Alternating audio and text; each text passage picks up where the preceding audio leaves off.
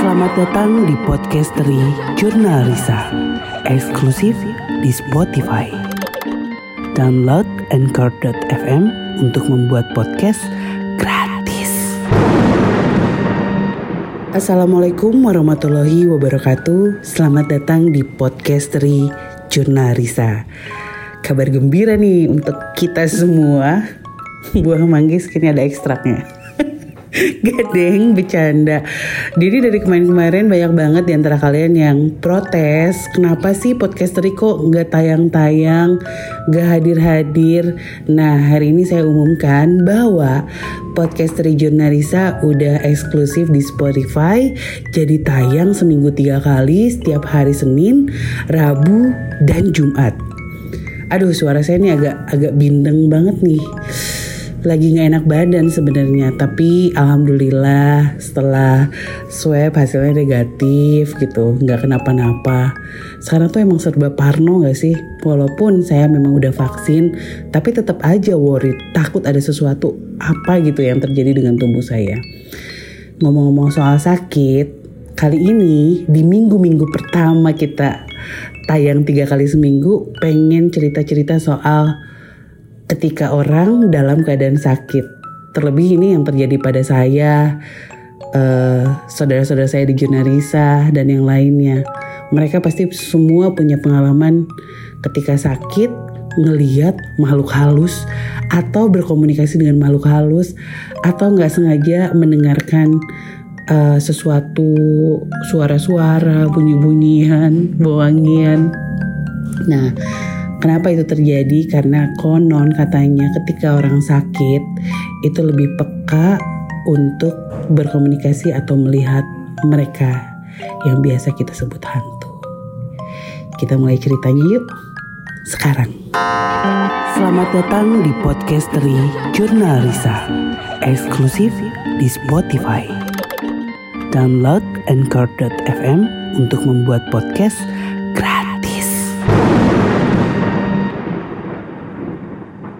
kalau lagi sakit gini memang biasanya sih ada sesuatu yang menjadi lebih sensitif ketimbang sebelumnya. Mungkin kalau misalkan uh, di saat-saat fit, badan sehat, saya bisa kontrol nih. Saya mau lihat hantu atau enggak. Atau saya mau menerawang suatu tempat atau tidak itu bisa dikontrol banget. Beda halnya ketika sakit. Mungkin ini bukan pengalaman yang saya alami saat ini ya. Tapi mengingat soal sakit, saya jadi ingat masa-masa ke belakang bersama Peter CS. Mungkin kalian akan bertanya-tanya, loh kok langsung ingat-ingat masa ke belakang bersama Peter CS? Emang kalian ketemu lagi? Sabar dulu. Karena banyak di antara kalian yang bilang, please jangan cerita soal Peter Chess melulu dong. Oke, okay, ini saya kasih sesuatu yang berbeda. Walaupun tetap masih bersama Peter CS. Jadi bisa dibilang dalam hidup saya tuh cukup jarang mengalami sakit. Um, bisa dibilang mungkin satu tahun sekali lah cukup jarang kan? Maksudnya sakit yang ya lumayan serius sampai harus dirawat di rumah sakit. Saya ingat banget dulu saya sempat melakukan operasi. Operasi pengangkatan polif namanya kalau nggak salah. Jadi ada sesuatu yang menyumbat di hidung dan itu diangkat memakai operasi yang harus dibius total dan harus menginap di rumah sakit. Pada saat itu, itu awal-awal bertemu dengan Peter sih, karena saya udah di Bandung, udah bersekolah di Bandung, dan saya sudah kenal mereka. Dan saya udah tahu kalau mereka adalah hantu. Ini merupakan masa-masa sebelum mereka akhirnya balik lagi. Ketemu saya bareng-bareng main-main lagi. Jadi suatu hari saya ngerasa sakit kepala yang sangat sangat sakit. Lebih ke kayak apa ya migrain gitu. Tapi berkepanjangan pakai obat apa pun penghilang rasa sakit kayaknya nggak mempan sampai akhirnya saya memeriksakan diri bersama orang tua dan saya dirujuk ke dokter THT karena ternyata ada sesuatu yang menyumbat di daerah hidung saya yang bikin itu jadi jadi sakit lah intinya dan pada saat itu dokter menyarankan untuk melakukan operasi untuk mengangkat itu. Jadi bisa dibilang ini adalah operasi pertama saya karena sebelumnya ya saya nggak pernah mengalami hal-hal yang sampai mengharuskan menginap di rumah sakit, dibius total gitu. Nah ada perasaan yang tegang banget ketika merasakan ketegangan itu dalam kondisi fisik yang gak fit semuanya tuh jadi kelihatan jelas banget apalagi pada saat itu saya tahu bahwa saya bisa melihat hantu. Karena saya tahu saya bisa melihat Peter Chess yang ternyata hantu. Cuman waktu itu belum ekstrim nih hantu-hantu yang lainnya. Belum ada yang kemunculan-kemunculan hantu aneh gitu yang menakutkan. Saya pikir yang saya lihat itu bakal lucu-lucu nih kayak Peter CS yang ganteng, berpakaian bagus, terus mereka juga friendly ghost gitu. saya pikir saya akan melihat yang kayak gitu aja. Tapi ternyata enggak.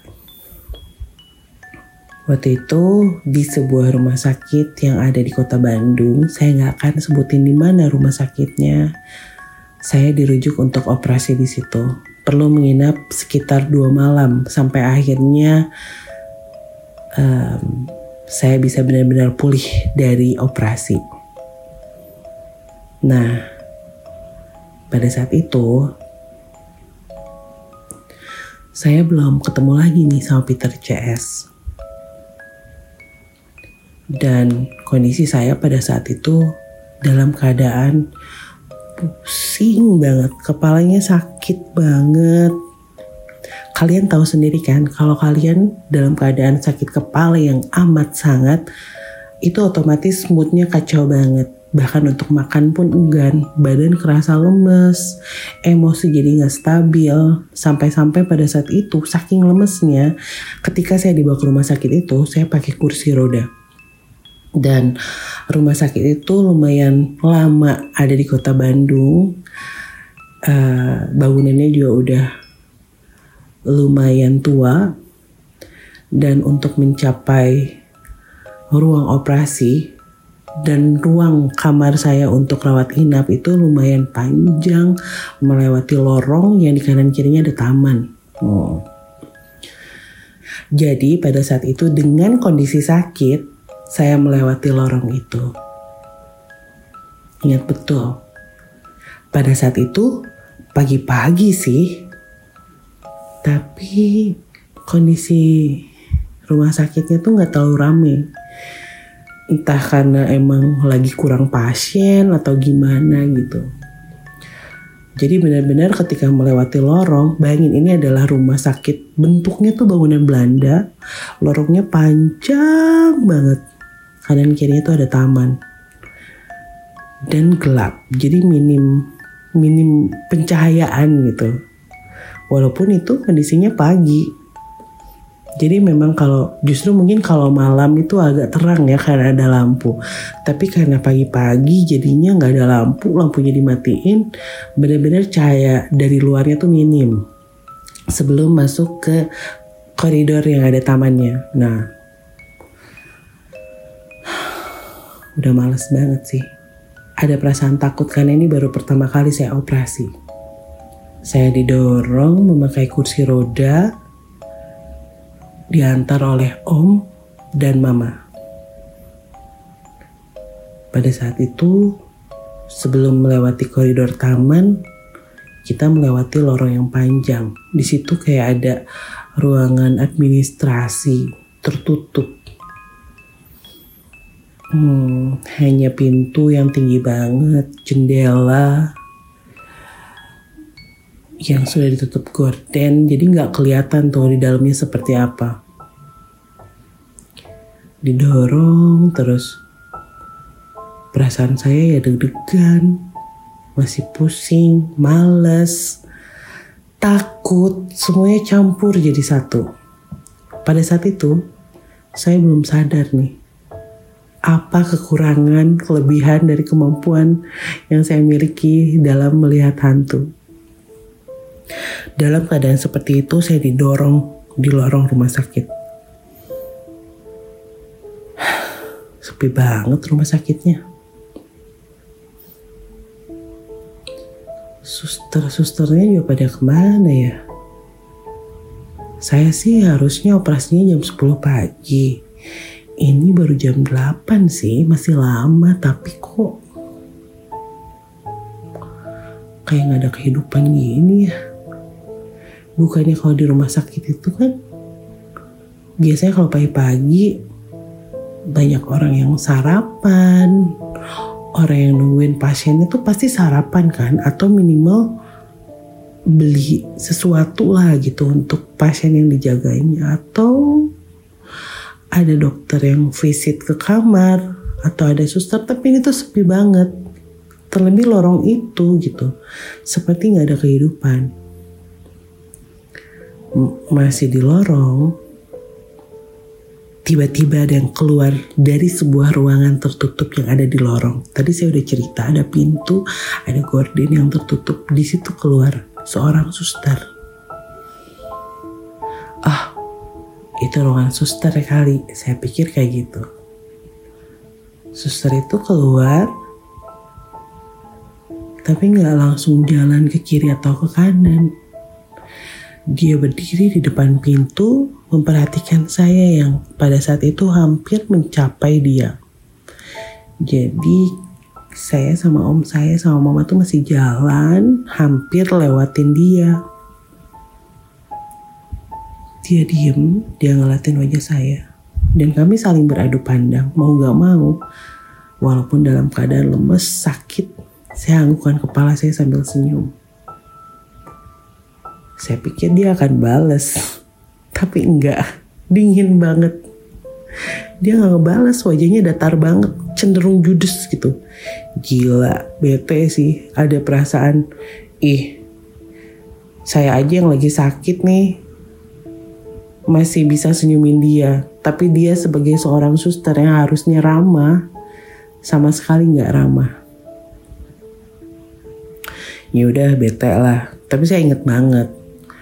Mukanya agak sedikit Chinese, putih, mini make up, matanya bulat sih tapi agak menyipit um, rambutnya hitam. Saya nggak tahu panjang atau enggak tapi yang jelas dicepol dan dia pakai topi suster. Ya udahlah. Mungkin dia capek kali ya habis tugas sampai nggak bisa senyum sama pasien yang lewat. Ya udah akhirnya ya udah jalan lagi. Ih jauh banget. Masuklah ke koridor taman kan Taman itu rumput di kiri kanan, terus ada kursi. Mungkin untuk pasien berjemur lah atau mungkin suster-suster makan siang saya nggak ngerti. Cuman ada kursi-kursi di taman itu yang kosong pada saat itu keadaannya. Tapi lumayan sih segar jadinya. Tadi kan udah pengap tuh, gelap lorongnya. Begitu ketemu taman, pes cerah gitu dan enak aja gitu ada udara terbuka. Saya lihat sebelah kanan. Masih nggak ada pasien ya sepi banget. Kirain bakal ada yang jemur jam segini. Atau mungkin suster-suster duduk-duduk di situ gitu kebanyakan gitu yang ngobrol. Nggak ada. Lihat ke kiri kosong juga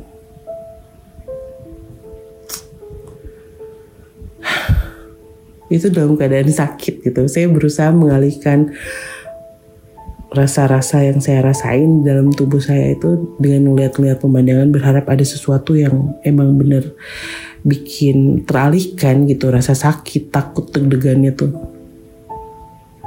Kanan kiri begitu saya lihat ke depan di ujung lorong ada seorang perempuan berpakaian suster sedang berdiri. Berdirinya miring, jadi ada di sebelah kiri. Dia kayak ngelihat ke taman yang sebelah kanan. Otomatis perhatian saya langsung terarah. Oh ini nih, ada suster lagi nih kita cek yuk suster di sini ramah-ramah atau enggak?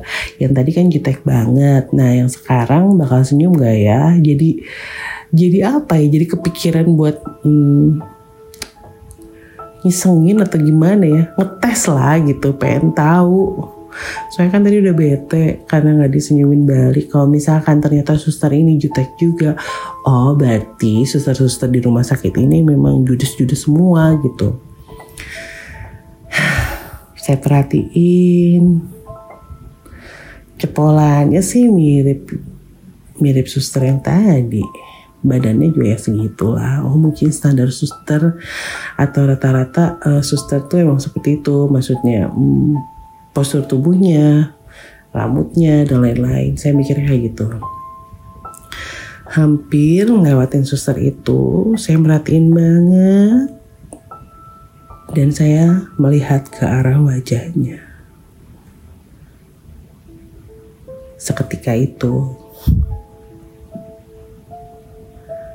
mulut saya kaku, mata saya nggak bisa berhenti memelototi, nggak bisa berkedip.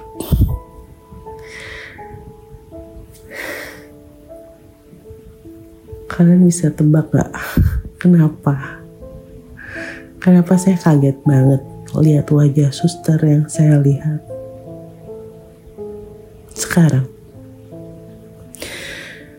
Ya, ternyata suster yang sebelumnya saya lihat tadi yang jutek banget itu sekarang berdiri di sini di samping saya di ujung koridor taman.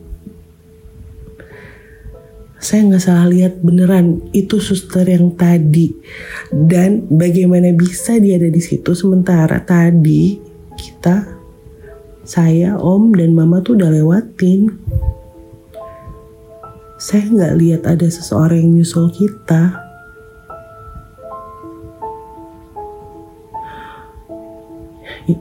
Ini siapa ya? Apa dia kembar atau gimana? Tapi ekspresinya benar-benar sama. Dan begitu saya perhatiin, dia ngelihat ke arah saya dengan tatapan yang sama banget seperti suster yang tadi memelototi saya dengan wajah yang sangat datar. Pada saat itu, saya udah gak bisa senyum lagi. Saya bingung sekaligus takut. Sebenarnya ini adalah orang yang sama atau berbeda ya. Tapi jelas wajah mereka sangat sama. Dan muncul ketakutan dalam kepala saya. Bentar-bentar. Ini orang atau bukan sih? Dari situ mulai ragu. Astaga, iya. Saya kan bisa lihat hantu jangan-jangan ini memang hantu. Itu refleks. Setelah saya kaget memelototi, saya tuh langsung langsung tunduk. Dan memejamkan mata saya kenceng banget. Sampai-sampai om saya nanya sama saya sambil dorong kursi roda cak kenapa cak? Hmm. enggak enggak apa-apa. Cak lihat apa? Itu karena om saya tahu kan bahwa saya ternyata sensitif. Terus cak lihat apa? Terus mama juga ikut komen ya neng lihat apa neng? Neng lihat apa? Karena ekspresi saya yang benar-benar berubah gitu. Uh langsung tunduk menjemin mata kenceng-kenceng. Dan saya pada saat itu jawab nggak ini sakit kepala sakit kepala banget. Aduh nggak kuat sakit kepala gitu. Oh yaudah yaudah jadi om om saya tuh mempercepat langkah gitu mendorong kursi rodanya cepet-cepet dan dan mereka mempercayai itu gitu. Padahal saya hanya ingin cepet-cepet ninggalin suster yang aneh ini nih. Saya nggak mau lihat lagi nih ini takut. Karena badan saya tuh merinding benar-benar sebadan badan merinding. Ini kayaknya bukan orang nih itu feeling saya udah kayak gitu. Buru-buru lah om saya bawa saya uh, dan mama juga ngikutin dari belakang gitu. Jalan cepet. Kita menuju ruangan dokter. Udah agak jauh nih saya merem terus dari tadi merem terus. Aduh cepet om nggak kuat. Aduh nggak kuat saya kepala banget ini pengen cepet-cepet ketemu dokter pengen dikasih painkiller atau apa gitu ya? Atau dikasih obat?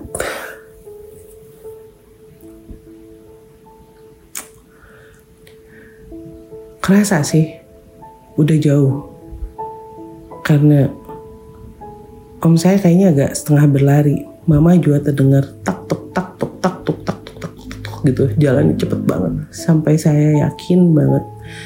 Ini ini udah jauh nih dari tempat tadi dari koridor taman tadi.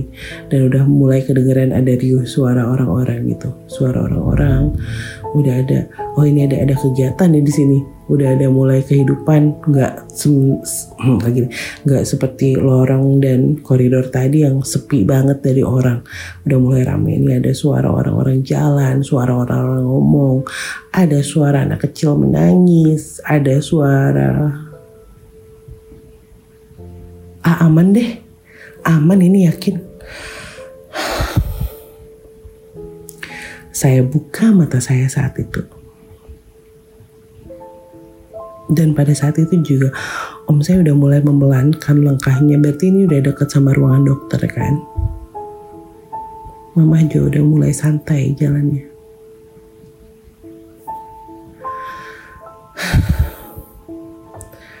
Alhamdulillah saya buka mata saya. Dan tahu nggak?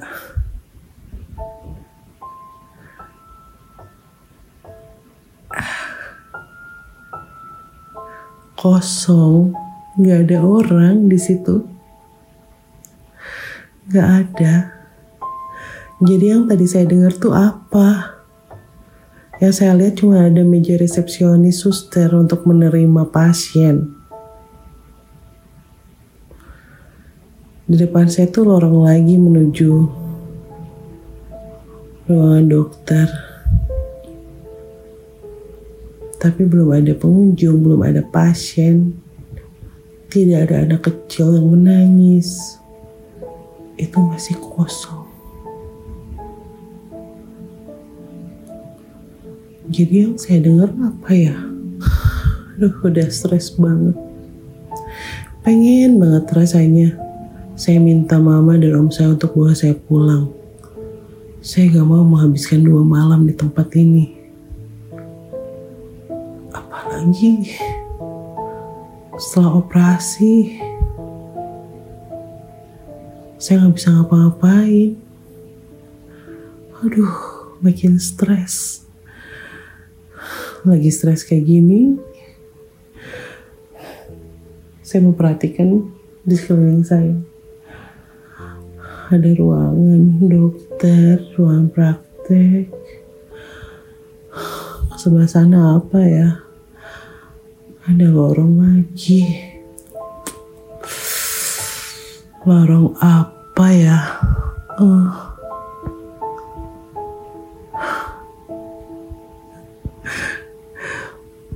Perempuan itu ada lagi di lorong itu. Jalan ke arah saya nggak diem seperti tadi tapi saya yakin itu dia. Benar-benar dia.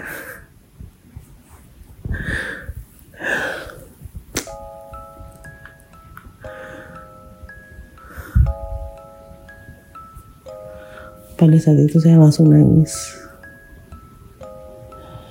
Apalagi ketika suster yang sama seperti yang saya lihat di lorong dan koridor itu semakin dekat, semakin dekat, semakin dekat. Saya menangis dan pura-pura sakit. Saya langsung meluk mama saya, mama pulang yuk, mama pulang yuk. Tapi mama saya bilang, jangan, jangan pulang. Kamu kan mau sembuh, kamu kan sakit. Jangan pulang ya. Yuk mama temenin gitu. Waduh. Dia nggak ngapa-ngapain saya sih dia jalan terus sampai ngelewatin saya dan menghilang entah ke mana. Tapi yang pasti ini tuh nggak mungkin, nggak mungkin dia datang dari arah yang berbeda dengan tatapan judesnya dingin dan dan itu benar-benar sangat menyiksa. aduh jadi jadi jadi serem nih. Aduh. Soalnya ketika inget-inget lagi masa-masa seperti itu jadi kerasa lagi itu kebayang ruangannya. Kebayang takutnya kayak gimana. Dan saya baru sadar sekarang setelah tahu akhirnya bahwa memang ketika sedang sakit ketika kondisi fisik kita lemah biasanya kita lebih sensitif untuk melihat dan berkomunikasi dengan mereka. Untuk orang-orang yang punya kemampuan untuk melihat mereka, itu akan semakin tajam, semakin jelas, dan semakin sering berseliweran.